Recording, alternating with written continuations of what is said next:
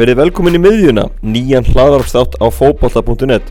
Þátturinn fer á fulla ferði vetur en í hverju þætti fáum við til okkar góðan gest. Við tökum forskot og sæluna í dag með ítælugu viðtali við Óla Stefán Flóensson.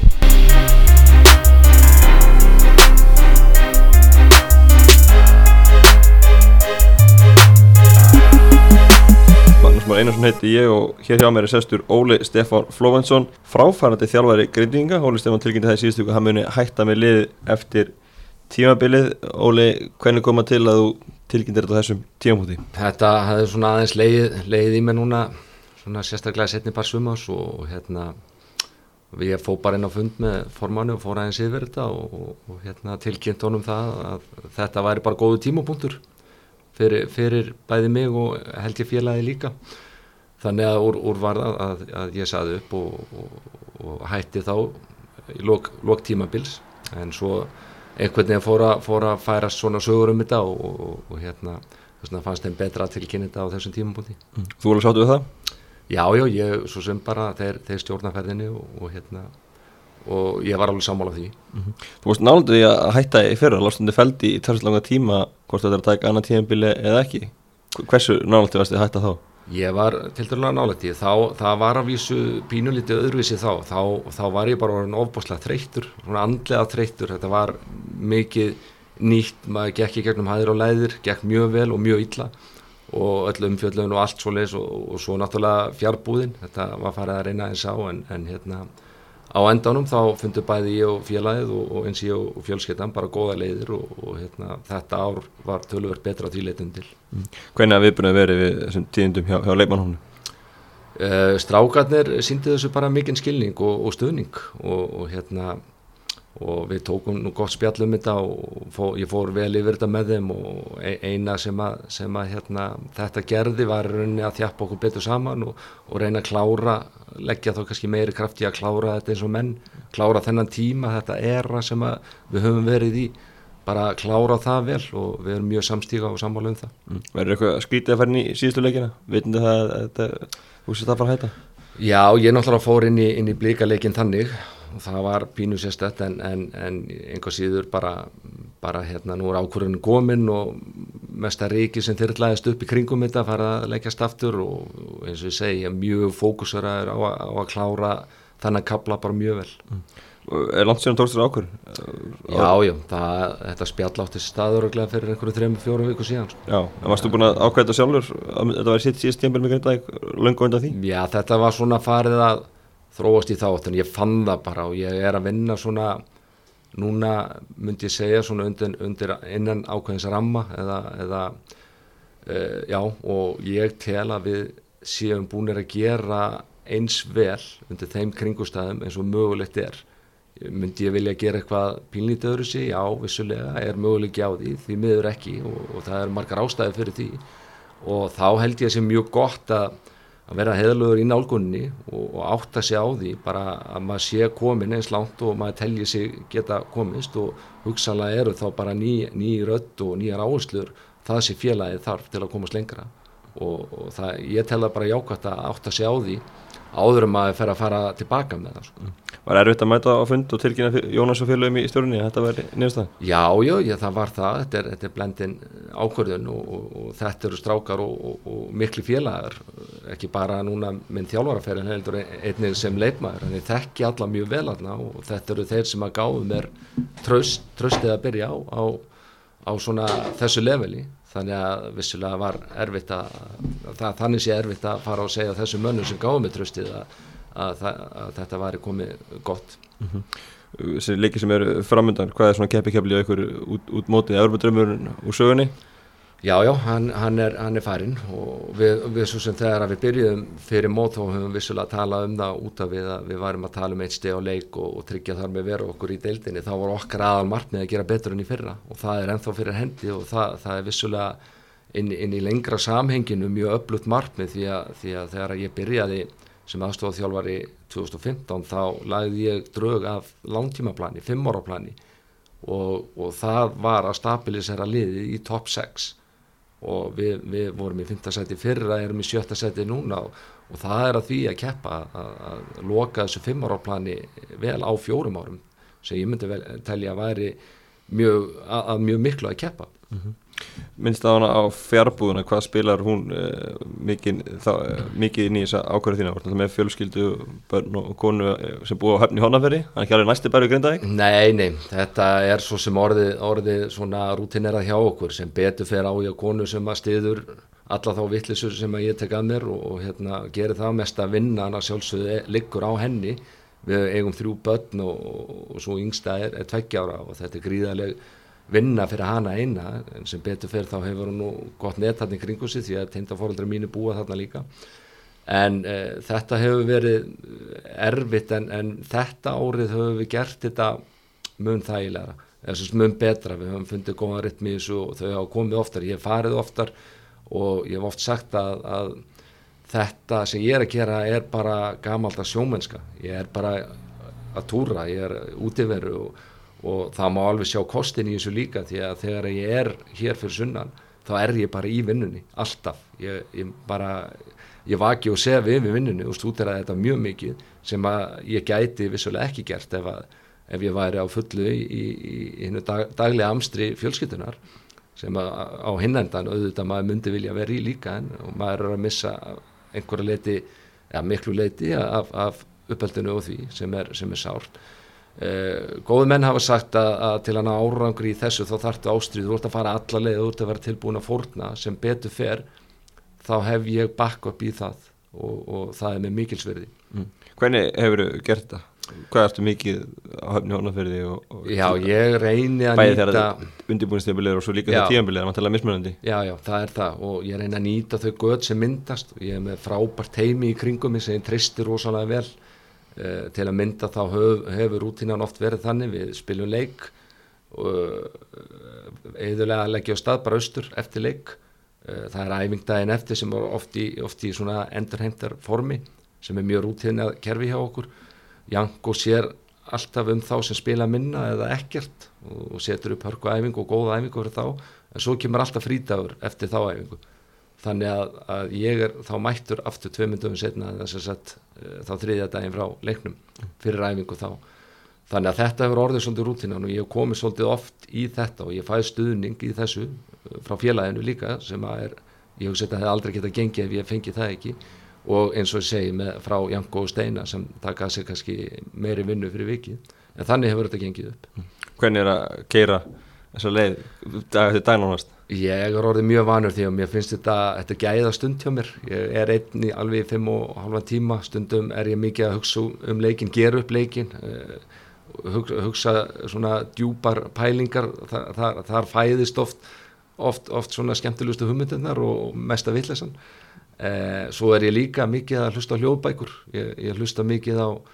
á já, bara alls konar bókum og, og, og hérna, já, podcast og, og annað sem að ég hefði tímanum í þannig að hann er ákveðlega nýttur eh, þessi tími sem að og, og, og mér finnst þetta bara góðu tími þetta er ekkert, ég sé ekkert neikvæmt við það Eitthvað fræðilegt sem þú hlusta á þá? Já, bara allar, allar bara frá Arnaldi Indriðar bara inn í alls konar svona fótbolta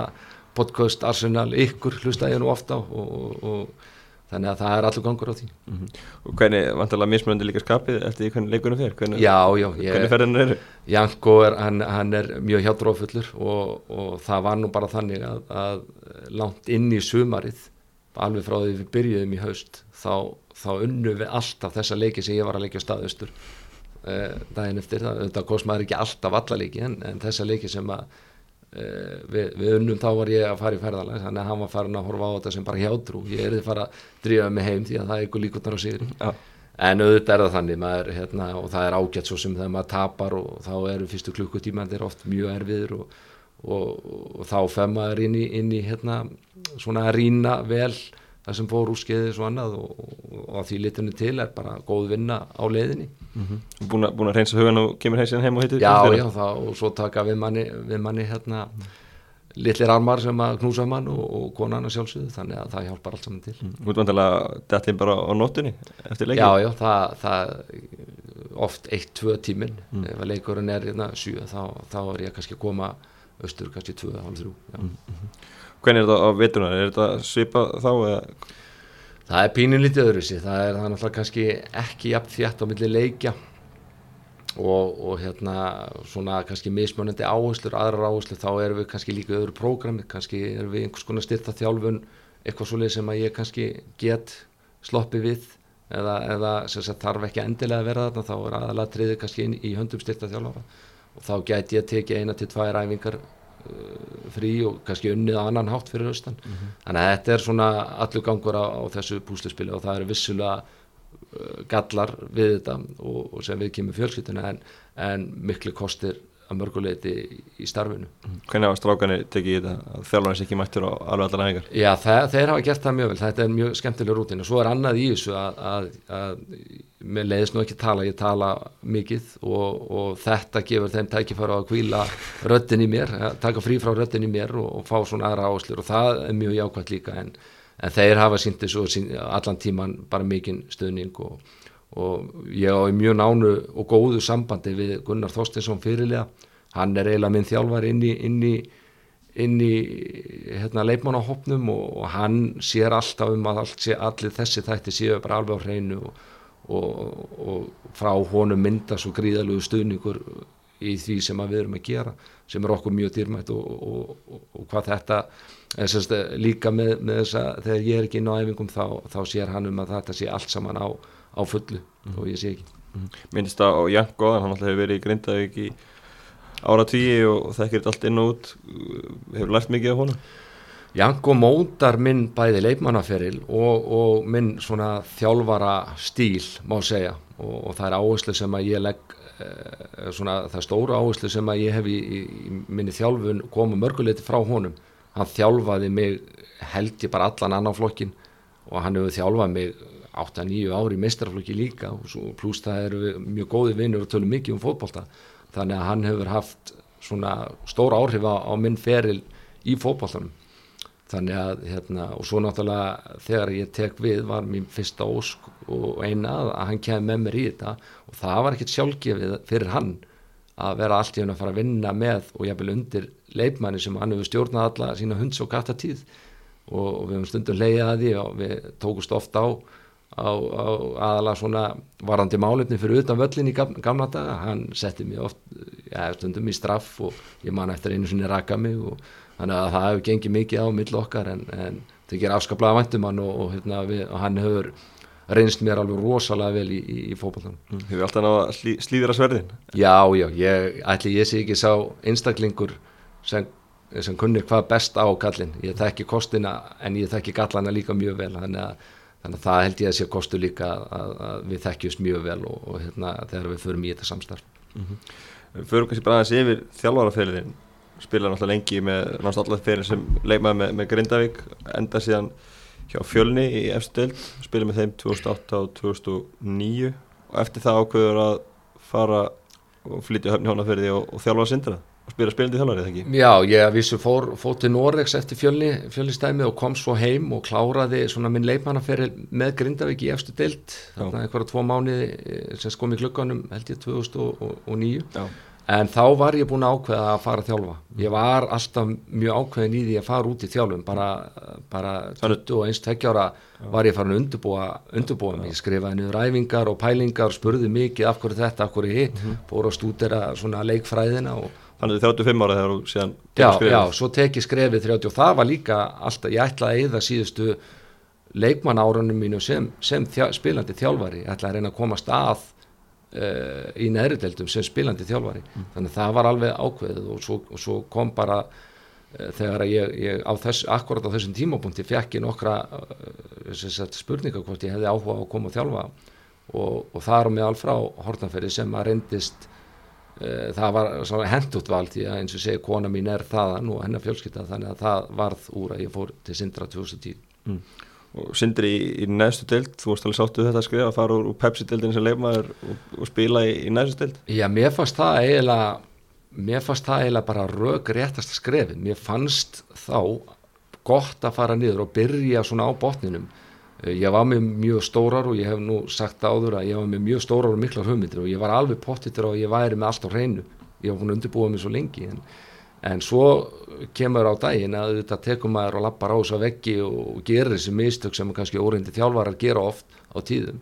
En þá var það gott, góð, góðu staðu til að gera það í neðstu deilt í þjálfun. Og, og það reyndist mér alveg ofbúslega vel að gera það þar versus það að gera það kannski á, á staðista sviðinu bara strax í byrjun þegar að þú ert enga meginn kannski tilbúin að takast á við þetta verkefni. Mm -hmm. Þjálfarferðin kannski byrjur heldur ekkit frábæðilega þetta var, þetta er í þeirriðu del gömlu þeirriðinu hana, hann voru bara, bara fjóra deldir og fær ekki úsleikemna fyrsta árið Já. Ég þykist nú vita að marki hafi verið sett á farlan í úslutakefni þá, eða ekki? Jújú, jú, það var það. Eh, Sindri hafði ári áður ekki farið í úslutakefnina þannig að ég talaði um það að ég byrjaði eiginlega alveg á botninum hjá liði sem fór ekki einu svona í úslutakefni í neðstundil. Uh, eh, nei, það, eh, við, við svona fyrsta ári fóðsóldi í það að móta bæði mínar hugmyndir, ég kom með háleitar hugmyndir og, og setti mikla kröfur á mannskapin í neðstundil og það fóð svona misvel í strákana sem kannski voru vanir annars konar eh, áherslum. Og, og, og, það, og líka fyrir mig var rosalega erfitt að, að vera spilandi þjálfari. Það var, það var hérna, þú hefur engin tök á leikdegi á leiknum, þú ert að spila og hugsa um sjálfaði, það er líka áhrif á mig sem leikmanna því að þetta hefði ekki verið slakast árið mitt sem leikmaður. Þannig að fyrsta árið fór rosalega mikið í það að, að vennjast nýjum aðstæðum, læra á þjálfunina, læra á að vera spilandi þjálfari, læra á aðstofþjálfaran, læra á stráka sem að eins og segja höfðu verið bara á, á þessu leveli svona staðist að hluta sinnferils mm. þannig að það var mikið að gerast þetta, þetta fyrsta ár og, og voru vonbriði því að ég ætlaði mér að fara með þetta lið í úsleitukefni. Talar um auknar kröfur, hva, hva, hva, hverju breyttur þú í byrjun? Eins og þegar ég fóti grindaði ykkur þá, þá, þá gerði ég það hjá Sindra, ég settist niður með og setti fimm ára plan og okkar fimm ára plan var að stabilisera liðið í annar deilt og, og, og til að gera það klárt til að taka næsta skref að ógna og fara jafnvel upp í það sem við kallum inkasso í dag. Og, og það, það var í rauninni uh, ef, ef við ætlum að gera það þannig þá, þá urðum við að vinna eins og topplið í annar deilt við urðum að skoða þeirra aðstöður og þeirra áherslur og ég kemur umhverju þar sem ég hef verið í efstu deilt uh, lengi Þannig að ég setti jafnvel, kröfur á strákana sem að Inkasso og, og Pepsi-deltalið eru að gera og það er náttúrulega auðvitað reynir pínilítið á og verða áreistra hér og þar en, en á endanum þá held ég að það hefði orðið til þess að við tókum skrifin áfram. Mm. Fari ekki í úslakefni 2010-2011 þá farið í úslakefna, mætið Kápi, kannski Breiðholts, varlið leiknis í áttanúslutum, vinnið þrúiðt í Breiðholti og heldur flestir að þetta verið komið á, þeir verið að færa áfram Já, það, það hefur verið mikið skildur það er öruglega minn svona svartasti dagur í þjálfun og hugsalega bara sem leifmaður sá, sá dagur og, og ég hugsa oftum en að leika en þó í dag. Uh, málið er að það, þetta sömar spilu við í, í austur og norður riðli og förum til dæla samfarið í gegnum. Við, við rúluðum yfir, við vorum held ég komnir inn í úslutukjapna bara byrjun júli mjög snemma. Og, og þá fer ég líka svona aðeins að reyfa til í liðinu, ég fær að gefa yngri strákur séns að því að við erum komni, við förum að spá í gullu spjöldin, að reynsa það út fyrir úsleiti keppna, við höfum í rauninu of langa tíma til að undirbúa þetta. Nú við mætum góðu þetta lið, KB var mjög gott á þessum tíma. Voru, voru sterkir leipmenn þarna innanbórs og, og ef mér misminir ekki þá, þá tapaði það ekki mörguleikjum ef einhverjum á heimavelli. Við förum vel um undirbúinir og, og, og eins og segi vinnum fyrir leikin 3-0 3-1 já 3-1, það er rétt 3-1 og erum í mjög góður stöð og við vorum ekki að tapa miklu á heimavelli fyrir austan heldur. Þannig að, þannig að hérna, það var mikið áfall að, að tapa og ég var sjálfur stór, ég var sökudólkurinn kannski að mörguleiti aðeins vegna þess að bara eftir 5 minútur þá þá er ég með boltan í öttustu línu og renn til, missi boltan sendirinn tekur hann og, og skorar 1-0 og þá bara horði ég á liðið bara hrinja að bara þá, þá fór menn að hugsa og mikið um þetta getur klikkað í staðins að fara og, og klára þetta og, og, og KB vann bara samfarið til sigur þarna þennan dag og við vorum þá þegar öllur á botnum kvólti ekki tilbúinir að, að fara upp mm. Var eitthvað bilbjörn á að finna hana? Það var erfiðu dagur þá ég mann það, ég fór, fór, kom, fór heim og beint upp í bíl og kerði upp í sumabústa sem að fóröldra mínir eiga þarna hálf tíma frá inn, inn, inn í lóni og það reytti ég bara næstu tveimu dögum fóð bara í börtu og, hérna, og það kom hika á mig þá, ég fór að veltaði fyrir mig hvort að ég var að gera réttu lutina hvort ég væri tilbúin í þetta nógu góður. Uh, sem beturfer fekk ég góðan stuðning frá stjórnateiminu þá á þeim tíma Kristjánu Guðna uh, formanni og, og Valdimar ein, einasinni framkvæmstjóra og, og við settist niður og byggum bara til til hérna út úr þessum hóp sem var orðin nokkuð öflugur ennþá öflugur að lið og, og fórum mjög samfærið upp árið eftir. Já, vinnir deildina hafa það ekki? Já, þá vunnum við deildina ofbúslega samfærandi við erum að vinna leikina stort inn í úslitakeppninu eru tölur eins og 4-0, 5-1 uh, alla leiðina upp í úslitaleikin sem við klárum einmitt á grindaðjökuvelli uh, þar sem ég mæti góðu lið ægis, uh, Alfred vinnuminn var að þjálfa ægi þá og, og við unnum það leik fjögur eitt þannig að við vorum afskaplega samfærandi það árið og, og ég vil meina að, við, að það hafi gert okkur að góðu að fá þetta áfall ári áður, það styrt okkur og, og styrti mig sem þjálfara mikið. Þannig að ég fór að, fór að sjá hlutin aðeins í öðru ljósi og skoða kannski aðra áherslur mm -hmm. sem, a, sem að mótaði bæði sindralið á þessum tíma og mér sem þjálfara mikið. Já Hvað var það sem að fórstu það? Ég, um, bæði það, þá, þá fór ég að taka einn svolítið svona hugafáslega vinnu líka, fór aðeins að, að sinna henni meira uh, og, og taka hana meira alvarlega, uh, tækni þjálfun, taktiska þjálfun var ég svo sem orðin ágættu með, en þarna gerði ég mig rosalega grein fyrir hvað hugafástjálfunin er ofbóslega mikilvæg í þessu. Að sjá gott lið rinja við, við svona mótlæti, það var eitthvað sem að, sem að hérna, við þurftum að, þurftum að skoða betur og gerðu það. Og að öru leiti þá fór ég líka uh, að skoða betur jafnvægi í uppbyggingu á liði. Að, finna svona meiri balans í, í uppsetningu á liði. Þarna var ég með rosalega góða einstaklinga en kannski ekki alveg nógu vel balansera lið. Og þá fór ég að skoða þann þátt mjög vel og hefur reynst mér rosalega vel síðan að hafa tilfinningu fyrir jafnvægi í liðinu. Mm -hmm segir, vinnið þriðluna samfærið 2012, 2013 nýjunda sett í annara deild festið ykkur í sessu 2014, fymta sett í annara deild, þannig að þetta fimm ára plan það gekk bara upp. Já, það gekk upp og þarna þetta síðasta ára okkar vorum við komin með mjög kröftut lið og við vorum mjög líklegir í það að, að, að mínu viti áttu að vera ofar í deildinni við, við vorum pínlítið óetnir í setnum fyrir það sem við missum líkilmenni í meðsli og, og tættist aðeins úr hópnum en við lendum þetta í fymtasæti sem að er þá, eins og segir eh, fimm ára planið komið. Og og ég, að mínum viti eins og lið var orðið þá, þá vorum við tilbúinir að fara að taka næsta skref, við vorum tilbúinir að fara eh, hugsanlega í þá vinnu að, að búa til einn kassulið og jafnvel eh, hugsanlega ef að, ef að maður hefði verið þar áfram einhver ár þá hefði mitt plan verið að, að koma liði í í, í þá stöðu að ógna jafnvel Pepsi sæti á svipaðan hátt og Eyjup hefur verið að gera inn í Ólasvík en, en þá líka fór mig aðeins að svona þista í annað challenge og, og hérna og skoða það möguleika hvort það verði rétti tímapunktur að reyna, reyna að komast ofar í, í þjálfunni mm. og það var úr. Já, klálega sér aðeins að fara yfir þessi áhrif á syndra, það eru leikmenn sem að fókbóltáðamenn kannast þú vel við sem að voru hjá þér eitthvað hluta tímanum. Alex Freyr Hilmarsson, leima vikings hann stígur fyrstu skriðunni í mestarlöki þannig Já, hann, hann, hann var byrjaður Já, já hann, hann var byrjaður ég held að hann hafi einhvað verið byrjaður að spila ári áður hjá, hjá Kartaklíja þá bara 15-16 ára gammal en Alex var mjög fljótt, ég sá það mjög fljótt að, að þarna var leifmaði með eitthvað meira en bara, hann, hann var með svo ofbáslega góða tilfinning og skilning á leiknum og, og hann hafði svona þetta, þetta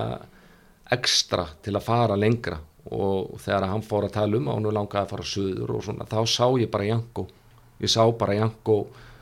með hann að það gæti hreinlega ekki klikkað og það var úr að hann fór til grindaðugur og hérna og í hendunar á Janko sem held, ég held að hafa mótað hann búið til kannski og á kannski stóra þátt í, því, í þeim leifmanni sem hann er í dag svo vorum við að sjálfsögðu með leifmenn, erlenda leifmenn sem hafa líka prílað upp og kenna e, Túri Díaz sem fór til til Ólásvíkur og spilaði með þeim í efstu deild, e, nú Rodrigo Gómez, Rodri kom með til grindaðugur á samt Maja, margmanni þannig að þarna voru sterkir leifmenn og örgulega einhverju fleiri sem hefur geta farið á efsta svið, svið úr þessu liði. Mm. Og þú sóttir Galna Fjela, Sýnisa Kekits Já, Kjeli á þeim tíma, við, við Kjeli höfum alltaf verið góði vinnir og, og á þeim tíma var hann á krosskotum, hann hafði tekið við að með minni reyni sangjarði sem þjálfari og það ger, hefur einhver gest hann eða hann hættir, ég held að hann byrja að þjálfa í oktober, november og er hættur í janúar. Einhver, einhver sem gerir sem ég veit ekki hvað var en allavega kom það upp að ég bauð honum að koma austur, eh, retta honum vinnu og, og, hérna, og húsnæði og koma og spila með okkur og hann reyndist okkur ofbóslega góður, það var gott að fá hann inn í akkurat þetta hugafarsmótel og, og fá svona leipmenn sem að, að hefur spilað aðeins að leveli lengi. Og sá, ég sá breytingu á strákonum frá Hortnafjörði mjög fljótlega eftir að hann kom og, þarna Kjell ennþá dag í dag að, held, hann er að þjálfa sindra í dag og bara líður mjög vel mm. Hann alltaf hjálpar ykkur upp úr þrjöldinu og spila sér líka í, í annar dild Já, hann var frábær í þrjöldinu þetta ár sem við fórum upp, ég held að hann hafi verið valin besti leipmaður hjá okkur þá, réttilega. Og þegar við förum ég inn í aðradildina þá tók ég hann svona inn í smá teimisvinnu fór að nota hann aðeins í svona aukaæfingar og svona einstaklisæfingar og taka svona æfingar hér og þar. Og, en það var að fara að hægja aðeins á honum þá og svona ég sá alveg muna á honum úr þrýðudeldinni og svo annar deldinni á þessum tíma. Þannig að hann var komin svona kannski píliti annar hlutverk svona spila minna en koma og gefa af sér og, og hann skilaði frábæru starfi þannig inn í annar deldinni mm -hmm og kannski gott að fá svona reynda leifmenni hópin, er ekki stressinu fyrir að fara í honum? Já, það, það var rosalega dýrmætt og kannski sérstaklega líka vegna þess að við spilum mikið saman uh, sem lengi sem leifmenn og uh, sama eins og ég saði á það með Janko að bílindi sérstaklega fyrir hann að fara að spila undir mér en, en hann gerði það mjög vel og hérna, það gekk allt saman frábælega og, og hann gaf mikið af sér í þessa vinnu. Mm. og, og, og segir, er það þjálfarlega sindra í dag? Fór að vinna í sundleginni þann hætti í bóttanum og bara búin að ílengjast hana? Já, já, hann hefur bara sett staða hann og líðið mjög vel og, hérna, þykir vant um, um Hortnafjörð og hérna í flottu starfi, stendur sér vel og hann náttúrulega tók við sindra liðinu núna og er uh, náttúrulega eins og við saðið á hann, er að upplifa kannski svona fyrsta árið sem þjálfarið, þess að lappar á alls konar vekir og lærir ofbúslega mikið, held að hann hafi eins og ég á sínu tíma lært ótrúlega mikið á, á þessu ári. Mm. Sindri búin að berga sér frá falli í þriðutöld þó einingis að því að vera að fjölga liðumar en er í næst næsta sæti kemur það þér óvart, Hvern, hvernig liðið stendur í dag? Eftir með hvað voru komin langt árið 2014 að, að þetta sé staðin í dag. Já og nei, það, það getur bröðið til begge vona. Bæði þetta lið sem fellur það fara einhverju leipmenn og einhverja breytingar, það eru ungi strákar þeir byggja mikið upp á, á heimamönnum þar og strákar alveg nýri heldur þriðaflokk sem er að fá tækifæri í það. Þannig að þau ert með þannig hóp uh, sérstaklega fyrsta árið þá getur bröðið til begja vona. Og það hefur gengið ekki nóg vel en, en síðustu þrjá leiki hafa er unnið og þá hef, finnst mér Keli Emmitt hafa komið með það sem við köllum jafnbæi, rétt jafnbæi á lið, rétt leikkerfi menni rétt á stöður og þeir ánga vel saman allir og það hefur skilað þrejum síðurum í röð. Ef þeir hefði fundið þennan balans fyrr þá er ég vissum það að þeir væri ofar í deldinni mm. Þegar þú vorust uh, losnandi feldi í fyrra varst að mögulega að hætta með, með grindaðeg varst eitthvað að spöja að beila að taka aftur við sindra? Það var sögursunni þess að Já, já, það, það kom alveg upp. Ég þekki þessar strákar sem er að vinna í kringum þetta félag það kom alveg upp og ég hafði alveg hugað því að fara í endur uppbyggingu með þeim á þeim tíma. En uh, það voru tvæð, þrjár vikur þar sem ég fekk bara þess andlegu kvíl sem ég þurfti e, þar sem ég fór að finna þostan aftur og, og svona gleðina og, og svona ákjefðina og, og metnaðin og allt þetta þá, þá var ég eiginlega þá fór það frá að fara niður og í þetta uppbyggingastar með þisti svolítið að, að halda áfram með þess að ég var búin að gera. Mm -hmm. 2015 hætti myndið synda 2014 eftir endið 15 seti í annar dild og tekum við sem aðstöðuhölari hjá Grindavík. Já, þá, þá kem ég inn í rauninni dægin sem að ég hætti í syndra er dagur sem Tómi Nílsen er ráðinn og ég svona fer eh, á þeim tíma þá, þá var ég svona að skoða möguleika í kringum þá kom einhver svona einhver áhugi einhver stað frá en, en svo ringdu þeir og spurðu hvort ég hefði áhuga að koma og þjálfa eitthvað í yngri flokkum og, og taka, hjálpa til aðeins að taka utanum það, það starf og, og, og kom inn með Tómi Nílsen og það,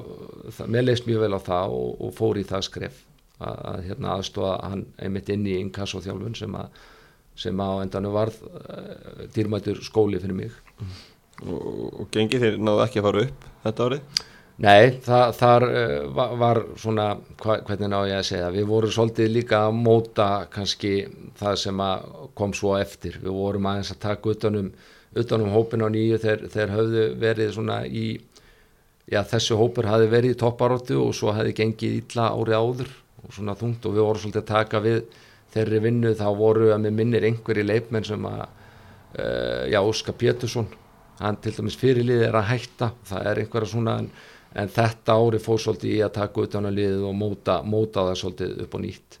Hvernig var að fara úr því að vera spilandi þjálfari, bæði leikmaður og, þjálfari og yfir eða aðstofþjálfari? Það, var, það var svolítið, hérna, það var leksið, sko, ég er að eðlisfari svona vill stjórna, ég var þannig sem leikmaður, ég, ég er svona svolítið frekur uh, á, á marga þætti og, og ég undirbjóð mig svolítið í það að fara að verða svona þjálfari sem er kannski, er ekki að taka stóra ákvarðunar og er að svona undir öðrum. En, en mér fannst það ótrúlega mikill skóli og það kannski líka svona þróaði svolítið mína sín á teimisvinnu, þjálfaravinnu. Því að Tommy Nílsen sem er bara fættu sigurvegari kemur inn búin að vera mestari allstaða þar sem hann hefur spilað og hann hefði þjálfað einhvað yngreflokkum en þetta var fyrsta svona stóra starfið hans sem aðalþjálfari. Og aftur kem ég að því að fyrsta árið ertu kannski aðeins alveg á veggi og, svona, og mér fannst gott að geta verið til staðar þar og, og hjálpa hann með einhvað af þeim þáttum.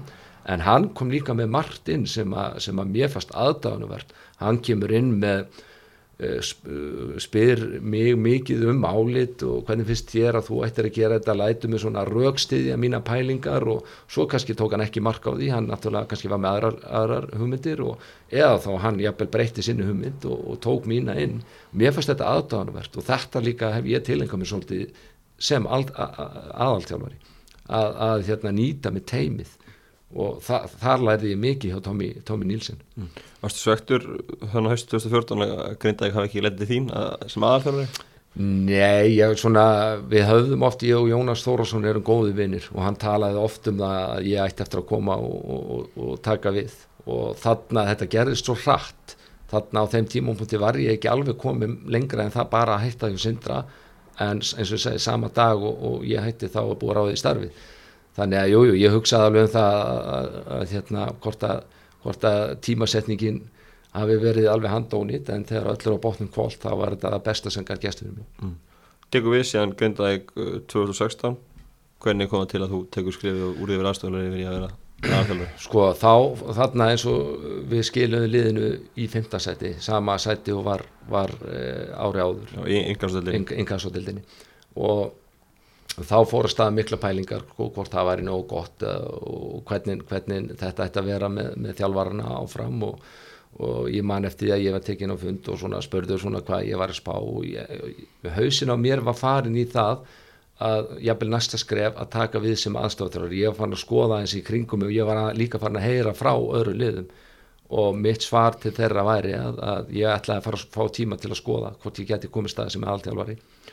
en ef ég erði aðstofa þjálfur þá erði það bara með Tómi Nílsen ég ætla ekki að fara aðstofa einhvern annan. Þannig ég var svona á því en, en svo einhvern veginn þróa slutinni þannig að, að þeir hafa áhuga á að láta mig taka við. Og sem var pínu erfitt ég viðkynna það var rosalega erfitt því að við Tómi erum, erum og, og vorum rosalega góði vinir og, og hérna mér fannst erfitt að, að að, að hann er ekki endur á þinn og, og mér bóði starfið og, og ég var í miklu sambandi við hann á þeim tíma og endan stutti hann mig til að halda áfram með þessa vinnu sem var mér mikilsverði en mjög erfitt og auðvitað komu upp einhverja sögursagnir um að ég hef unni bak við hann og eitthvað svo lið sem að þeir sem þekkja mig vita að það var svo sannarlega ekki þannig þannig að, þannig að hérna, þetta var pínu erfið, erfiður og snúin tími og en á móti fæ ég tækifæri í, í, í mikla áskorun mm -hmm. sem að ég var þakkláttu fyrir á endanum. Já, þrjú ár síðan að þetta gerist og, og síðan þá hefur bara náttúrulega verið uppgangur hjá Grindavík því vin, vinnið ykkur upp í pepsildina, skúrið 50 mörg í innkastildin, spilið skemmtilega fókbólta hvað breytist á, á milla ára? Sko, þarna eins og ég sagði á þann og komum inn á, fæ ég Janko með mér inn. Við erum mjög svipaða skoðanir og, hvernig fókbalta á að vera spilaður og við fórum strax í það að leggja upp lið sem að kannski var til í að fara svona herru upp á völlin, pressa, meiri ákjefð í, í þetta svona possession dæmi sem Janko er mjög þekktu fyrir. Við reyndum að blanda því saman og líka að finna inn leikmenn sem að koma með réttan balans á, á liðið fyrsta verki hjá mér var að hafa samband við, við núverandi fyrirlega, Gunnar Þorstinsson og Alexander Veigar sem eru grindvíkingar, ég vildi líka sækja aðeins, aðeins í það og, og, og reyna að móta. En, en veturinn var mjög erfiður. Hann var mjög erfiður vegna þess að við unnum ekki mikið að leikjum og ég veit að, að strax þarna var tortrygni og, og vantröst hjá mörgum sem höfðu kannski ekki alveg trúið að ég væri tilbúin í þetta og ég fann það alveg, ég fann það alveg inn í, inn í samfélaginu, ég fann það jafnvel inn í stjórn. Og, og á meðan við vorum ekki að skila úslitu þennan vetur þá, þá þetta var, og maður var efins alveg alla leiðin að æfingaferðinni þetta ári, þá akkurat í æfingaferðinni þar sem við fengum tíma með allan hópin smallita, þá smallita hjá okkur. En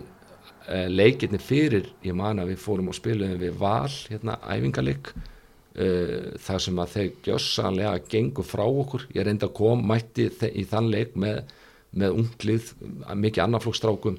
og þeir voru með alla sína hersveit og, og þeir slátur okkur, ég stoppaði leikin þegar það voru tíu myndir eftir. Þá var staðan voru 7-0 og ég var búin að missa út leikmenn í meðsli og ég hafði ekki fleiri á bekknum þannig að ég var að missa, ég var rauninni bara með tíu heila leikmenn eftir og ég kallaði yfir bjöss og stoppaði þetta bara, fór inn og, og þá virkilega fór ég að efast um hvort ég væri að réttu hluti en þessi utanlandsferð kom held ég tíu dögum setna og þar sem þetta small alls saman mm. Þið rúlið upp í, í Pepsi-dildina farið upp með, með Káa fylgið síðan eftir ánagörnum í fyrra með endi í fymta sæti Pepsi-dildinni öllum að óverum hafið þú sjálfur trúið að það geta enda svona ofalega fyrsta ári í Pepsi-dildinni? Nei, það var eiginlega bara ekki í hugsun, aðal hugsunni hjá mér var að tengja fimm ára planið að halda liðin uppi þetta árið. Það var rosalega mikilvægt. Við breyttum skipilæginu frá því að verða hápressulið í inkasso skoruðum mikið af mörgum og, og, og vorum mjög ofalega á vellinum. Fóru við, okkar mat var það við þyrtum að þjætta að fara aftar á völlin og, og drilla varnarleikin út í gegn og mæta þannig inn í pepsi-deldina vegna þess að ég hugsa að við hefðum geta orðið fallbísufóður ef við hefðum verið hátt á vellinum og, og opnið tilbaka á móti þess að gæða liðum sem voru þá þar. Það gekk upp og við vorum erfiðir að það var erfitt að vinna okkur, erfitt að spila við okkur og við náðum júslit sérstaklega fyrirlutan á móti og, og auðvitað með sjóðandi heitan framherja og, og lendum svo í femtasæti í top 6 sem að það sem að þetta 5 ára plan snýrist um sem var alveg frábær árangur en, en ég reknaði ekkert sérstaklega með því þegar við byrjuðum þessa vinnu sko. Nei, og Andri Rúnar sjóðandi þetta fram í skoraði nýttumörk, það er annað sem vantilega ekki verið í kortunum fyrir mót. Andri Rúnar, það er mjög skemmtilegt að, að hérna, við Janko förum oft á leiki við vet, vetratíman og við vorum okkur vantaði svona kannski einhverja ákveðna típu af leikma, við vorum svolítið að leita af því. Og Vikingur Reykjavík var að spila við Akranis í lengjubikar og við erum að horfa á þann leikin í Eilsvöld Ári áður enda Ári áður, eða sem sagt í undirbúning já, já, það var í einkassódeldinni og, og þá kemur Andri Rúnar þarinn og okkur fannst að vera alveg sniðin í það sem við stöndum fyrir. Það var alveg frábær stór, hávægsi leipmaði fljótur góð, góða tækni og, og svona bara skemmtileg tögafar og við, við hérna verðum bara eiginlega skottir í hann strax. Og hann kom inn í inkassotildina hjá okkur með þessi eiginleika en það vantaði alltaf upp og hann var ekki alveg nógu standi, hann var svolítið mittur náði aldrei svona alvöru rithma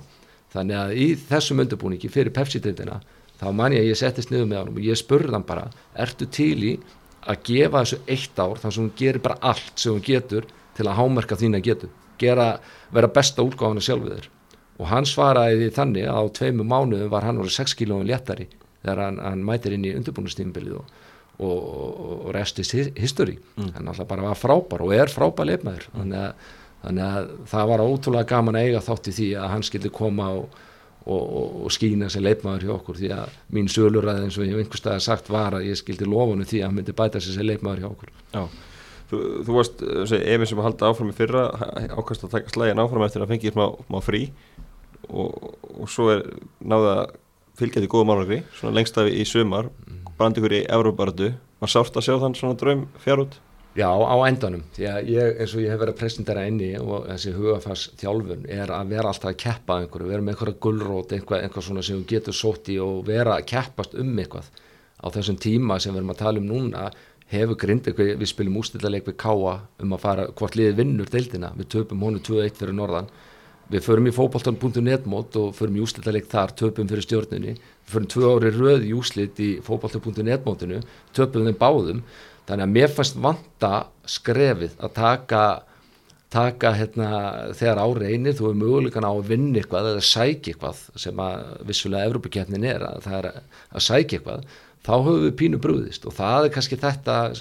þroskaskref sem vantar upp á við, við gerum rosalega vel á margan hátt í sumar vegna þess að það er ekki margi sem átt að segja á því. Við erum búin að missa óhemmi mikið að leifmönnum frá okkur, bæði eftir síðasta tímabil, þess að við missum bæði góða leifmönn og, og, og frábæra týpur inn í hópin og svo frá því að fyrri félagaskipta glukkin lokar þetta ár erum við búin að missa fimm leifmenn við erum búin að missa fimm leifmenn eh, Símon, Kollurup Smith er farin Edu, Varnamæður er farin Jonni fer út í nám Jóhann Helgi fer, fer norður og Juan Manuel Ortiz eh, fer til Gíbraltar að spila. Og við fáum eitt bakvörð í staðin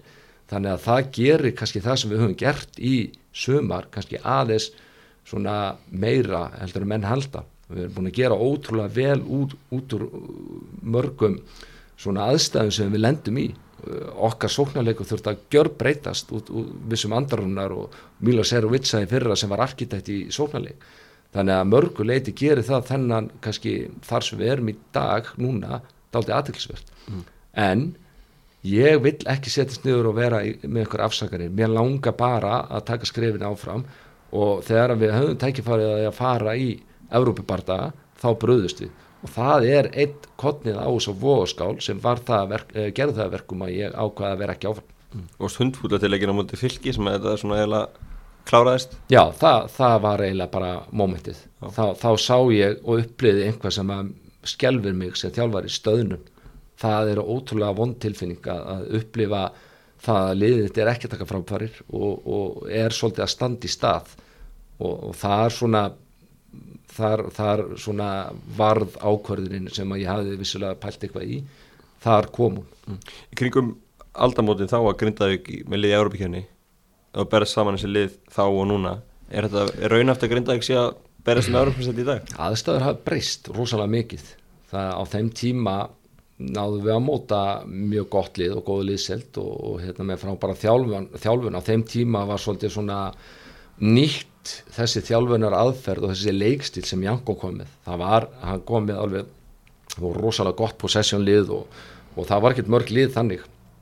á þenn tíma en við fórum í Európa-kjefnir og náðum fínum árangri þar og, og við miðum okkur oft svolítið við þann tíma. Þó að sé kannski það er miklu meiri peningar í þessu dag. Stóru liðin eru bara fyrst í rauninni taka öll bestu gæðin eh, þessi bestu lið eru með tvö frábær fókbaltalið innan sína herbu, herbúða.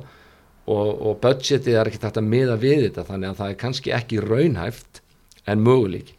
ég hef oft sagt að þó að, þó að við séum ekki kannski með sömu gæði og önnu lið þá getum við alltaf fundið aðra leiðir til að vera betra en þessi liði við getum verið með miklu betri liðselt og við ígjum hana, ég segi það oft við ígjum liðseltina við getum verið í betra standi, við getum fundið betri leikaferðir og annað, þannig að það er alveg hægt að finna leiðir til að, til að mæta þessu ógnarafli sem að sem að peningarnir eru hjá þessum bestu liðum í dag mm. Hvar standiði peningarlega Grindavík? Hversu langt er Grindavík og eftir stærstu liðanum þegar kemur að rekstri? Við erum ekki sko, Jónas hefur nú sagt við mig að, að í samaburði við aðra þjálfara í sögu Grindavík þá er ég ekki að jöfnum leik þar. Við erum með mjög ódýrt lið. Við erum, ég hugsa við séum eitt ódýrasta lið í, í deldinni í dag og við höfum ekki Eh, það, það þarf einhver að breytast til að, til að, til að fá kannski inn það, það fjármægt sem þarf til að taka næsta skrif virkilega. Við erum búin að fara, eins og sagði það, marga leiði til að, til að komast ofar uh, gegn þessum peningafli sem við erum að keppa við en, en við missum út sterkast stuðnismenn, uh, lísi farið og, og alls konar bakkjalla sem að það hefur bara breyst landslæðið þar. Þetta er gríðarlega erfitt og ég veit að þessi stjórnamenn sem eru, eru til staða núna og framkvæmt stjóri vinna dag og nótt til að gera hlutina allavega þannig að við getum verið samkjöndinsæfir og það er vel en, en við erum tölur mikið eftir þessum bestu ljúðum mm. Hefur verið mikið svekkilsið þér ná, styrkið ykkur lítið kannski fyrir tímanbill og aftur í júlíkuleikarum einlega maðurinn, hefur mikið svekkilsið að geta ekki fengið fleirinn Já, ég að því leitinu til að mér langaði að, taka, sko, þú þarf stundum að taka inn ákveðin gæði til að stuða líka hópin, það má ekki verða þannig að allir séu bara orðin þægilegið með sér sæti. Og það vantaði svolítið núna. Ég hefðu alveg vilja taka tvo mjög öfluga leifmenn inn. Og það er líka ekki síst fyrir kannski það sem við erum að skila af okkur og, og menn kannski fókusa lítið á það að við erum. Inn í þessu liði sem við erum að spila með núna eru fimm uppaldni leifmenn við erum, við erum, með, við erum búin að búa til landslísmenn, við erum búin að búa til í fyrra byggum við til 21. landslismenn, það sem að Aron Roberts og Marin og Axel fór inn í 21. landslið sem er geggjaður árangur í okkur, Andri Rúnar er valin í alhanslið, það er geggjaður árangur og núna er Sigur Jón Rúnarsson að spila sína fyrstu 19 ára, undir 19 ára landsliki, þetta er geggjaður árangur og, og það er það sem við þurfum líka að horfa svolítið í að við þurfum ofte, ofte tala neikvægt um það að vera að taka aðkomin eða, eða útlendinga eða hvernig en það þarf að finna jafnvægi í því líka. Þú þarft að fá inn gæði til þess að akkurat þessi leifmenn bæti sig. Rúmlega þrjúðus mann sem búa í Grindavík liðið með liðið úrváðsleiti í körfu úrváðsleiti í fókbólta, kall og kvenna. Er það ekki líka að gera ykkur erriðt fyrir að fjármanni dreifist? Á fleiri, fleiri liði bæðafélaginu? Nei, ég held að það, það sé ekki þannig. Við, við stöndum saman að því leitunu til. Ég held að þetta hafi verið alveg frá því að þessi lið fór að skara fram úr inn í, inn í þessum hópíþróttum uh, að mörguleiti mjög, mjög svona, uh, svona gott samstarf á milli, milli uh, félagana það sem að mér hins vegar finnst að, að þurfa að gera það er að félagi þarf að fara í einhvers konar stefnumótun skoða bara næstu tíu ár hvað þarf til bæjafélagið hefur stilt þetta ágætlega og við hefum sett upp ágættis aðstöð en við eigum að, eigum að, að fá meira, við eigum aðeins að miða við það besta á Íslandi. Ekki einhvað sem heitir nógu gott. Bæjarfélagi þarf bara að koma meiri krafti inn og, og, og setja upp þá aðstöðu sem, að, sem við þurfum til að vera meðal þeirri bestu. Og, og þá horfi ég kannski í, í lið eins eins og Val og FA og þessi lið sem eru með frábara aðstöðu. Og þannig þurfum við að hugsa þannig þarf bæjarfélagið hugsa aðeins um það besta ekki einhvað sem er bara nógu gott fyrir ykkur mm. Hvað með, hvað með stuðningi við, við lið? Jónas lítið byggja stúku þannig sem rúmar náttúrulega bæjarfélagið og það er sent sagt að hún sé þjætt setin á, á leikjum hjá okkur Verður svektur að fá ekki fleira fólk á öllin? Sko það má ekki gleymi umræðin að þetta er bara þrjúðusmanna bæjarfélag Vi, við erum ofta tíðum með kannski meðan við þess að höðatölu sem er ofta talað um uh, með svipa ról og önnu lið og það er bara galli það er, það er einhvað í ferlinu og, og ég kenni ykkur svolítið um, um það líka vegna þess að það fyrir rosalega mikill kraftur í fjölmjölum um að tala um Pepsi-deildina og hún sé ekki náðu skemmtilega því að það er ekki skora náðu mikið að mörgum og, og mér finnst svona neikvað umræða alls ekki hjálpa til vegna þess að við höfum átt okkur á því að, að, að það er oft hræstni í að segja þetta vegna að þú skoðar íslenska landslið fyrir hvað stand, stendur það? Það er agaði varnalegur fyrst og síðast og, og að lið sem að kannski þurfa eins og, eins og ef ég tek okkur og Viking Ólasvík og þessi lið sem þurfa að spila þannig leik þá, þá á ekki vera, vera að rýfa það niður. Því að við erum á þessu leveli einfalla vegna þess að við spilum agaðan og sterkar varnarleik og þá þarf umfyllinin að vera sangjörn eftir því. Þannig að það hefur líka áhrif og menn þurfa að skoða það eins svo, svo er annað að, að síðan íslenska landsliði byrjar á blómstra og við fyllum lögadags völlin, lögadarsvöllin hvað eftir annað, þá tekur það meiri aðtekli frá Pepsi-deildinni. Og það, þú, þú getur skoðað það alveg frá því að landsliði fór að stíga upp og áhugin við það fór, fór að aukast þá, þá slakar á, á aðsókn inn í Pepsi-deildinni. Hvað grindaði varðar þá er ég ekkert ánæður með ég, ég er ekkert ánæður með það þegar ég er lapp út á völl og ég tel 25 í stúkunni. En ég veit að líka þessi 25 sem mæta alltaf eru diggustu stuðnismenn á Íslandi þeir eru með okkur alltaf.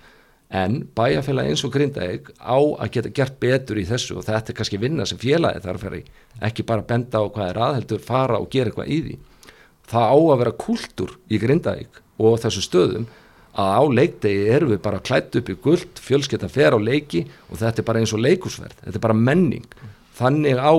samfélagi að standa bak við afreiks íþrótt og fólk því að það er það sem að það sem að, þú veist, Grindavík hefur fengið frábæra auðlýsingu fyrir það uh, starf sem unnið hefur verið og þannig árangur sem þessi lið hafa, hafa fengið. Við meðum aldrei horfa það sem sjálfsvæðan hlut. Að því leitunum til er ég svektu því við getum gert betur. Mm. Mikið umræðið þetta verið um, um áhörandur undanfann árenda tölunar og leðinni niður á við, eitthvað fleira sem þú sér dildin í heild sem hægt er að gera til að fá fleira fólk á völdi? Já sko, fyrst og síðast þurfum við átt okkur á þetta er Pepsi-tildin, Pepsi-tildin er ekki eins góð og ennski boltin og þessi stæðstu dildin, það gefur auga leið. Það fer líka rosalega í töðan á mig þegar að ég sé fólk klæða þessu upp í United treyju, Arsenal, Chelsea þeir rýfast eða ég vil slást um úslitið þar. Uh, það fyllist upp Facebookið af riflildum og, og til heilu Facebook grúpurnar um, um þessi lið eins og þetta sé þeirra eigi lið á meðan að kannski bæjarliðin eða, eða liðin úr hverfinniðinu er að ströggla mér finnst við þurfum að skoða aðeins inn í þetta, þetta snýstu um menningu ekki við verðum að gera gott úr því sem við höfum því að þegar öll er á botnin kvólt þá er þetta besta deildin á Íslandi. Og, og það þarf að fara þetta var að mörguleiti ágætt það sem að var talað um og gert í vetur en það hefur ekki alveg virka og þá þurfum við að fara ennþá dýpara í þetta. Þetta snýst líka um félögin sjálf þegar þurfum við að fara og sækja og búa til þennan kultur sem þarf til að mæta á völlin Þú sjálfur varst leikmaður lengi og umfyllunum deildin er miklu meiri núna heldur núna það hún er miklu meiri og, og af, af hennu góða og, og þar uh, þó ég hafi kannski aðeins slegið til ykkar áðan þá, þá með þið líka eiga hér sem að, sem að hérna, eigi þetta stúdjó uh, risapreg fyrir að fjalla einmitt um fókbalt en ekki bara Pepsi, þetta er alla deildir og ég bel alla, alla flokka. Þetta er eitthvað sem við verum að varvita og, og fara meiri krafti inn þó hún sé ekki alltaf sangjöld umfjöldinin og ég er ekkert alltaf sáttu við hvaða leið við erum í alls konar gaggríni til að kepla ykkur sem dæmi sem að það hefur gjósalega ekkert gengið upp í það og mér finnst óþarf að vera bend á höfu augljós að þetta hefur ekkert gengið og, og nánast eh, full vinna við að sparka í likjandi fólk þarna. Því að, því að þeir átt að sé betur en allir á því að það, það hefur ekki gengið upp. Stundum getur við gaggrínt uppbyggilega og hjálpa stað við að, við að gera gera deildina sterkari og, og, og stærri að öllu leiti auðvitað, ég er ekkert að tala um að með ekki gaggrina, það er bara hluti af, af leiknum og, og að menn hafi sína skoðunir og komi henni áfram hmm. Vistu gaggrina og keflaðið hafa verið ósökjur? Vistu gaggrina og keflaðið hafa verið ósökjur? Að mörguleiti já, mörguleiti eh, þegar það hefur ekki gengið upp eins og ég segi, einhver hluta vegna og, og þegar þetta fór að líða á eh, augljóslega hafa það ekki unni leik en það, ég veit að þeir eru í fullri vinnu að skoða og reyna að móta einhvað til framtíðar og búa til einhvað gott úr þessu sem að gerðist núna. Og, og það, ég þekki það fólk að góða inn og ég veit að þeir eiga eftir að koma sterkari tilbaka. En eins og ég segi, mér finnst óþarfi oft á tíðum að, að, sparka í líkjandi menn. Ég, það er allt í lagi gaggrína vegna þess að það eins og, eins og við höfum sagt ef bara ekkert gengið upp en stundum er nóg nóg. Mm -hmm. uh, talandi um, um fjölmila þú skrifaði nú sjálfur pistla fókbaltabúðun þetta á sín tíma, nokkra uh, pistla sem vöktu miklu aðtíkli og, og þar á meðal komst inn að og hættir að, að drekka og áfengismenningu í, í kringu fókbalta þú hættir að drekka 27. oktober 2009 já, já. Og, og skrifa hérna lærðan pistilum þetta uh, þessi ákvæmum sem tókst þarna í oktober 2009 uh, Takkar henni fyrir hvað gengir vel í, í þjálfurninga til? Já, ég þakka, ef ég á að vera alveg heiðalur þá þakka ég bara henni fyrir að vera á lífi í dag mm. þess að ég hef komin á stað sem var mjög vondur, mjög mikið myrkur í kringum mig mikið kvíði og þunglit og ég á fann að hugsa hugsanir sem eru ekki ekki fallegar og, og hérna það var nú bara eiginlega þeirra ákvörðun að þakka ég bara henni á lífi í dag en eftir að þessi ákvörðun er tekin og þú fer að vinni sjálfiður fer að svolítið kafa onni það hvað þú ert að gera og, og, og, hvað, og hvað þú ert að gera kannski þeim nánustu uh, og ferði alls herjar svona nafnaskoðun og bara endur skoðun á lífið frá þeim tímapunkti er hægt að telja upp óteljandi sigra. En þeir kom ekki að sjálfu sér. Þetta er endalus vinna hótt að minna það átt að dag og nótt og inn, inn í þessum þjálfaraferli hjá mér hef ég sem betur fyrir geta gefið af mér af þessum ég fengi til mér leifmenn sem eru miklu vandraðum bæði drikju og, og öðrum efnum og, og þunglindi og annan það sem ég hef geti, geta verið til staðar fyrir það einfallega vegna þess að ég fór þess að leiði sjálfur. Uh, mér finnst líka, líka mikilvægt að við, við erum vakandi kúltúrin er allt, allt öðru síð í dag. Í dag hef ég engar áhyggjur af þessu inn í, inn í mínu lið og það hefur mikið breyst frá, frá þessum tíma sem að ég tók þessi ákvörðun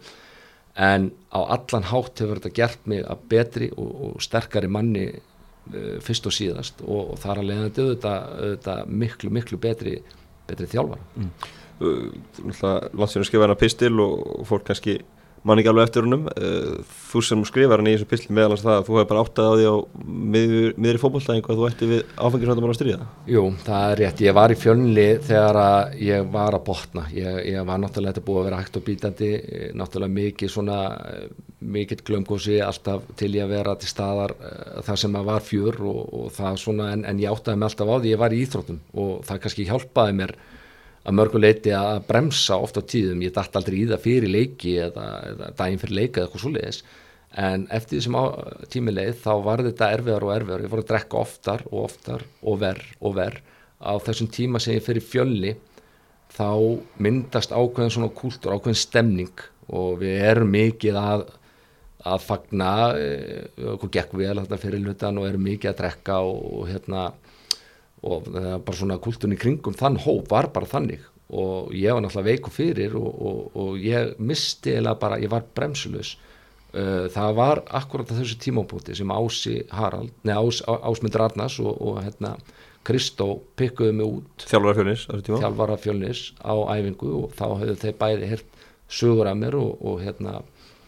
og höfðu áhugjör af kannski minni framistöðu því að ég byrjaði mjög stert hjá þeim og hafðu bara almennt áhyggjur af því á hvaða leið ég var. Og þarna, og þetta var bara meðri fókbaltæðingu þarna bara hittiða mig bara, þú veist ég er bremsulus ég á við ofbáslega mikið vandamál sem ég ræði ekki við þetta lengur. Og það er ekki fyrir en þremu mánuðu setna sem ég fer að teka á því. En og þá er ég alveg komin á botni. Ég var tekin alveg undir stýri. Ég fór í spil eitti frá mér bara ótrúlegum fjárhæðum og ég var bara, ég botnaði algjörlega sko. og, og þegar ég vakna eftir þennan botn á mánudegi sko, þá einmitt varði ég bara að taka ákvörðum hvora leiðina ætla ég sko. og sem betur fyrr þá sá ég nú ljósið og, og hérna stegið þá átt því að ég endur tökka ég var ekki á lífi eða ég hefði alltaf áfram mm. Hafði þetta mikil áhrif að fólki í kringu? Já, mjög mikil sko. það er þetta það var ótrúlegt að ég unni hafði það sem ég hafði á þeim tíma vegna þess að ég var ekki búin að koma vel fram við, við, við mína nánustu en, en þau stöttu mig alla leið og, og, og ég er ennþá að gefa tilbaka að reyna það og öll, allan hátt að gefa tilbaka uh, þann kraft sem að, sem allt mitt fólk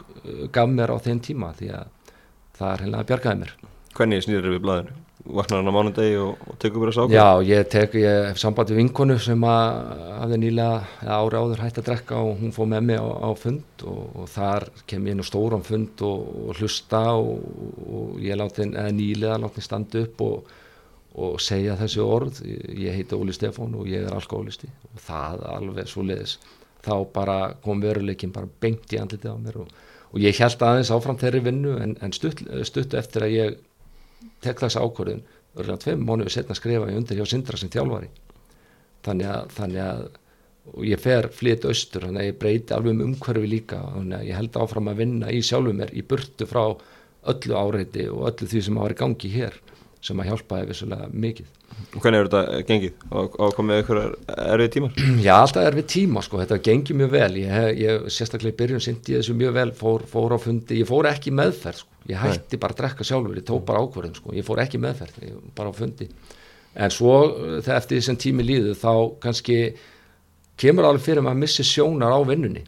og uh, bara í fjölskyttu fríi og, og tenir í fyrir tveimur ára síðan ég átti síst von á þá kom allt í henni svakalega löngun og, og ég, ég fann það að þetta er mómenti sem að menn falla á akkurat þegar maður er ekki að þegar maður gleymið sér, maður heldur að maður sé á góðum stað og allt svo liðis, þá kemur bara allt í henni og það hefði bara þurft augnabliks veikliki að grípa bjóru eða eitthvað svolítið til að falla, mm. sem betur fyrir gerði það ekki og, og, og það, það kendi mér að, að hafa alltaf sjónar á, á, á þessu því að þetta er náttúrulega það að vita það allir að að þeir sem eiga við þennan sjúkdóm að glíma þú, þú sleppur ekkert frá honum. Þú verður bara að vinna í honum alla yfir mm. Þú talaði með þessu vittari að, að leikmenn í pepstildinni hótt hvort af leiktíma sunnudum og mánundum en þeir hafa bara breytt þessum dögum þá í djamdaði í staðin finnst þetta verðið staðir í dag? Nei, alls ekki, ekki, ekki mér vitandi sko. ég, ég eins og ég segi, kultúrin hefur breyst skrýðarlega á þeim tíma þá gaf maður alltaf fundið aðra leikmenn sem voru að leita því sama. Það var mjög auðvelt og, og hérna og urðu, það var bara eða mánudagur og, og þetta var mjög öðvöld á þeim tíma en ég efast um að, að, eins og kultúrin er í dag að þetta sé allavega einhver, kannski einhver staður og þetta er alltaf, uh, menn eru alkáðlista þó með eins og í fókbalta líka og, og hérna örgulega einhvað svona í gangi en, en einhver leiti í samanbörði við eins og þetta var þegar ég var að spila mm. uh, Finnst þér, hefur þú sett harða reglur, hvað var áfengi sem þjálfari? Ég passa mér rosalega mikið á því að, að láta þetta ekki bitna á þeim leifmennu sem ég þjálfa. Ég, ég er alveg með augun á svo ég hef alveg eins og ég sagði á hann hef alveg unni með, ég sé alveg mig í mörgum einstaklingum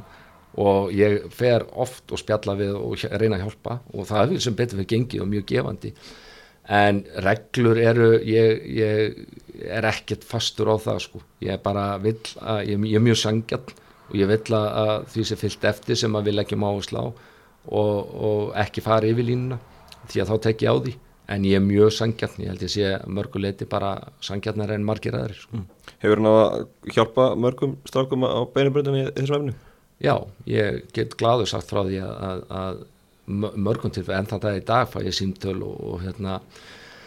sem að eh, frá einstaklingu sem telja sér vera á svipum stað og ég var og, og ég get hjálpað að einhverju leiti, stundum gengur og stundum ekki en það er afskaplega gefandi og hjálpa mér í mínum bata að geta gefið að mér og, og hjálpa hugsalega einhverju sem eru, eru á svipum slóðum og, og ég var á og hérna, ég hef síðan ríkulega uppskera þeirri vinnu sem er alveg afskaplega gefandi. Þannig fannst það á svonum tíma að þessi pistil trefði við mörgum? Já, hann gerði það alveg, alveg tviðmannlust og ég fekk samband frá mörgum sem sáu, sáu alveg þetta mót allstaðar í kringu sig, bæði hjá, þeim, hjá einhverju sem stóð uh, þeim nálagt eða, eða bara þeir höfðu sjálfur samband við mig og, og, hérna, og það var bara að hennu góða held ég að ná og ofinbera að einhver svona persóna sem að sem að einhverju leiti var í einhvers konar aðtekli geti viðkjönt veiklegan og, og viðkjönd það að, að þú sett ekkert of stór og sterkur þetta getur verið allstaðar, þetta er í öllu myndum og allstaðar inni, alveg sama hvað þú ert stattur í þjóðfélaginu. Mm. og það hrefðiði mér mörg, alla voru við, viðbröðinga mér, eh, hjá mér þannig að, að mér fannst þetta að hrefja við mörgum. En þú veist meina að þessi kynslu sem er að koma upp núna, þessi miklu minna bara almennt umdrykki á þeim heldur en áður? Já, allavega inn í þessum íþrótt að gera, allavega fótbolta svona geranum og, og hérna ég, ég vona að sé bara þannig en, en við náttúrulega líka verðum að vera vakandi og vera til staðar uh, knæspilnur sambandi, félögin leikmenn og þjálfarar og allir sem eru kringum þetta verða átt að segja á, á, á þessu að þetta er möguleik að þú fáir inn sjúkan einstakling og, og hérna það kom nú upp í, í sumar og, og hérna hjá Káur að, að mér minnir einhvers konar sambarilegt dæmi og, og ég dáðist algjörlega að Rúnari Kristins og Káur hvernig þeir tóku á þeim málum og ekki síst honum sjálfum mm. og þetta er bara full vinna, þú verður að fókusa þetta alla daga því að þú getur ekkert búist við því að þú set bara bara læknaður og þurfur ekkert að hafa ágjör að þessu, þetta er full vinna alla daga alltaf mm. Þannig að mikilvægt að félagin styðji við þegar, þegar við á Já, mér fannst alveg til fyrirmynda hvernig káringarnir eh, tóku að þessu og þetta er eitthvað sem að sem að félagin þurfa að vera vakandi yfir og jafnvel búa til einhvers konar verkferðla í kringum, kringum svona aðstæður. Mm -hmm. Anna Pistil sem vakti mikla aðtegla á sín tíma sem að skrifa þá varst að ræða um vegarlendinar frá, frá höfni hónaferði og í bæin og, og öfut. Já, ég held að landsbyðar liðin þekki öll þá, þá vinnu eða, eða, eða það sem er í gangi hvað það var, það var við hlóum nú stundum að því þegar að lið eh, í, í yngri flokku sérstaklega voru að hafa sambátt og spyrja hvort að við varum ekki til í að spila báða heimaleikina hérna í bænum vegna þess að það var svo dýrt að koma austur og það er erfitt að fá liðið og svona við varum hvað sem er alltaf að spila. Þetta, þetta er svona típist svona sjónamið á, á það og við til dæmis erum með lið í efstu deildum um, bæði hérna eins og Káa og Vestmanenga og og svo náttúrulega bara neðri deildum uh, þú þekkir það nú hættalegu þinni deild þessi ferðalög sko. Þú getur horta á þetta á tvennan hátt annars vegar þetta séu hundleiðilegt og erfitt og hérna þurfa, þurfa vera alltaf að ferðast. En, en við allavega kringum mig í þessari vinnu sem ég er í dag og sem, ekki síst þessari vinnu sem ég var í þá ákveðum að sjá kostina við þetta, skoða landið, eða tíma saman, samstæða og, og getur gert þetta á marga, margan hátt. Og þetta er eitthvað sem að lið í, í bænum verða verða eins og horfi í að, að hérna, það eru lið sem þurfa að gera þetta allt árið á meðan þú ert kannski að fara tvær ferði hérna út á land. Mm. og þetta um ófæða ferðin þess að þú fara á milli Reykjavíkur og, og Hornaferðar einu sinni þurftu líka að fara á norðurleðina Já, það var á þeim tíma þá, þá gaus, nánast gaust árlega þá en, en við vorum hérna, við vorum fyrir sunnan þegar Elgósi kom og lokaði suðuleginni og við þurftum að fara þá í mæjumánuð minnum í norðu fyrir og, og það lendu við í alls konar ógöngum, það var brjála við fyrir norðan snjóstormur. Og þegar við komumst í gegnum það inn á eigilstaði og fara þá tókum við, tóku við eins og við kalla vindarhafsins og við höftum að berjast í gegnum förðina þar í 30-40 metrum og,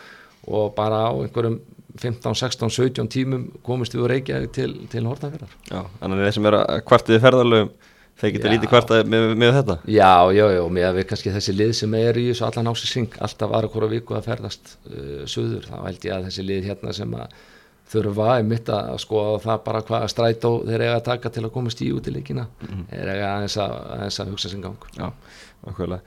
Þá er að loka spurningin og stóra spurningin hvað tekur við hjá Óla Stefáni Flóðinsinni í, í haust? Já, núna hérna, ég nú stundum núna hef ég verið að segja það eins vegna þess að eftir að ég tók þess ákvörðun uh, ég er búin að vera etru í nýju ár og alltaf þurft að hafa ákvæmna vissu í mínu lífi uh, óöryggi er eitthvað sem er vond fyrir mig og þegar ég tekast ákvörðun þegar ég er búin að segja upp og ekki síst þegar það er komið út af við þá fannst mér svolítið eins og ég væri búin að binda fyrir augun og lappa út á plankan og ég veit ekkert hvað er fyrir fram mig þannig líður mér og, en ég er svo sem uh, einbytti mér rosalega mikið bara að því að klára þetta tímabil með Grindavík. Eh, ef að koma upp einhverju möguleikar þá skoða ég þá. Ekki, ekki spurning og, og hérna að hvaða, í hvaða formi svo sem það er hvort það er eitthvað skonar uppbyggingastarf eða, eða taka lið í eftir deildum eða, eða jafnvel eitthvað, eitthvað landslýsverkefni eitthvað úti eitthvað, eitthvað svo leiðist þá myndi ég að sjálfsögðu skoða og geri það alveg pottið vegna þess að þegar öllur á bóknum kvólt er ég bara atvinnus eftir þrjár vikur mm. Hefur þið fengið eitthvað síntölu? Já, ég fengið einhvað, einhvað svona en, en alltaf eiginlega svona stoppa það vegna þess að mér finnst pínulítið óþægilegt að vinna í þannig umhverfi að, að kannski eru þjálfarar í starfinu þar sem að hjá þeim sem er að ringja eða og ég kannski á fullu í mínu starfi og þarf að einbita mér að því. Þannig að ég svona kannski er ég barnalögur í þessari nálgun kannski, kannski hérna þarf ég að skoða þetta eitthvað betur en, en, en símtölinn hafa einhver komið og, og það er bara að hennu góða og hjálpa mér að að taka mitt bindi frá augunum að það er eitthvað framöndan það er, eru einhverju möguleikar og hérna ég það bara að vanda vel næsta, næsta skref mm. Talar ég eftir um Erlendis, hafa verið að koma ekki síntöl Erlendis frá? Já, já, ég hef fengið pínlítið þess á því en, en ég hef fengið, fengið þrjú svona áhugaverð svona verkefni þar en, en ég held að það sé ekki rétt í tímapunkturinn í það, ég er að fara núna að menta mig meira, ég er að fara í UFO Pro núna til Norex í byrja í oktober, það er alveg 80 mánuða dæmi og, og þannig að ég ætla núna næstu skref er að fara í það nám og ná í þá miklu gráðu og, til að geta tekið næstu skref í þessum bransa en, en þá enga liggum metnaðurum vissulega. Mm. Hvað hafa þessi erlendu fjölu verið sem hafa verið það? Það hefur verið, ég hef aðeins hér frá Núrei og, og Færium, mm. það er svona ein, einhvað þar. Mm og heimir auðvitað gert góða hluti í færa Já, ég frábæra hluti og afskaplega ánaði fyrir hans hönd að hafa tekið erfiðar aðstæður og snúið þeim sér í hag og, og skilað frábæri starfi inn í, inn, í, inn í færum ég veit að hann er ótrúlega vel liðin þar og, og hérna og, og stór þjálfari auðvitað hérna á Íslandi og í færum og hérna hann á öruglega bara eftir að fara lengra mm. Þinn hugur er að vera áfram á Íslandi? Já, að, að stöld allavega með einn klára þessa gráðu þá, og náttúrulega svo náttúrulega kemur alltaf að því að við þurfum að skoða við fjölskyttan hvað er best að gera með, með, með það fyrir ljósi hvað, hérna, hvað framtíð býður okkar í, í fjölskyttinni sko. mm. Erstu ofið fyrir flutningum með fjölskyttina eða verður þetta áfram sjómaska? Já, gæti orðið ég fer náttúrulega eftir hvað, hvaða starf kemur upp í hendundar á mér það gæti alveg orðið að, að við höldum eitthvað aðeins áfram svona einfallaði vegna þess að börnin, þeim börnunum líður mjög vel og við erum búin að festa rætið þetta mjög vel fyrir austan og konunni líður vel þar og, og þú veist þá bara gerum við það besta úr þeim aðstæðin sem að, sem að okkur eru réttar hverju sín mm. þannig, þannig að það er ekki að fara að stoppa því að taka við starfi? Nei, ég, ég ætla á að fæ enn og aftur alveg brjálaganstuðning frá fjölskyttunni til þess að halda áfram að reyna reyna að gera betur í, og, og, og taka skrefin áfram þessu, á þessum þjálfaraferli mm -hmm. Þrýleikir eftir með, með grindaði klára þá allan að krafti og, og svo kemur ljós hvað, hvað gerist? Já, næsta verkefni eh, sem ég horfi nú, bara á er, er mínu gamlu félagar í fjölni. Þeir koma til finnst afskapla leiðilegt að þeir skuli vera í þessari aðstöðu sem þeir eru en, en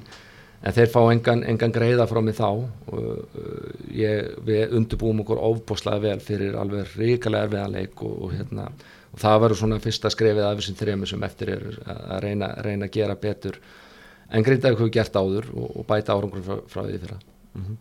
Glæslegt, Óli Stefán, takk það fyrir, fyrir spjalli og gangið vel. Kæra takkir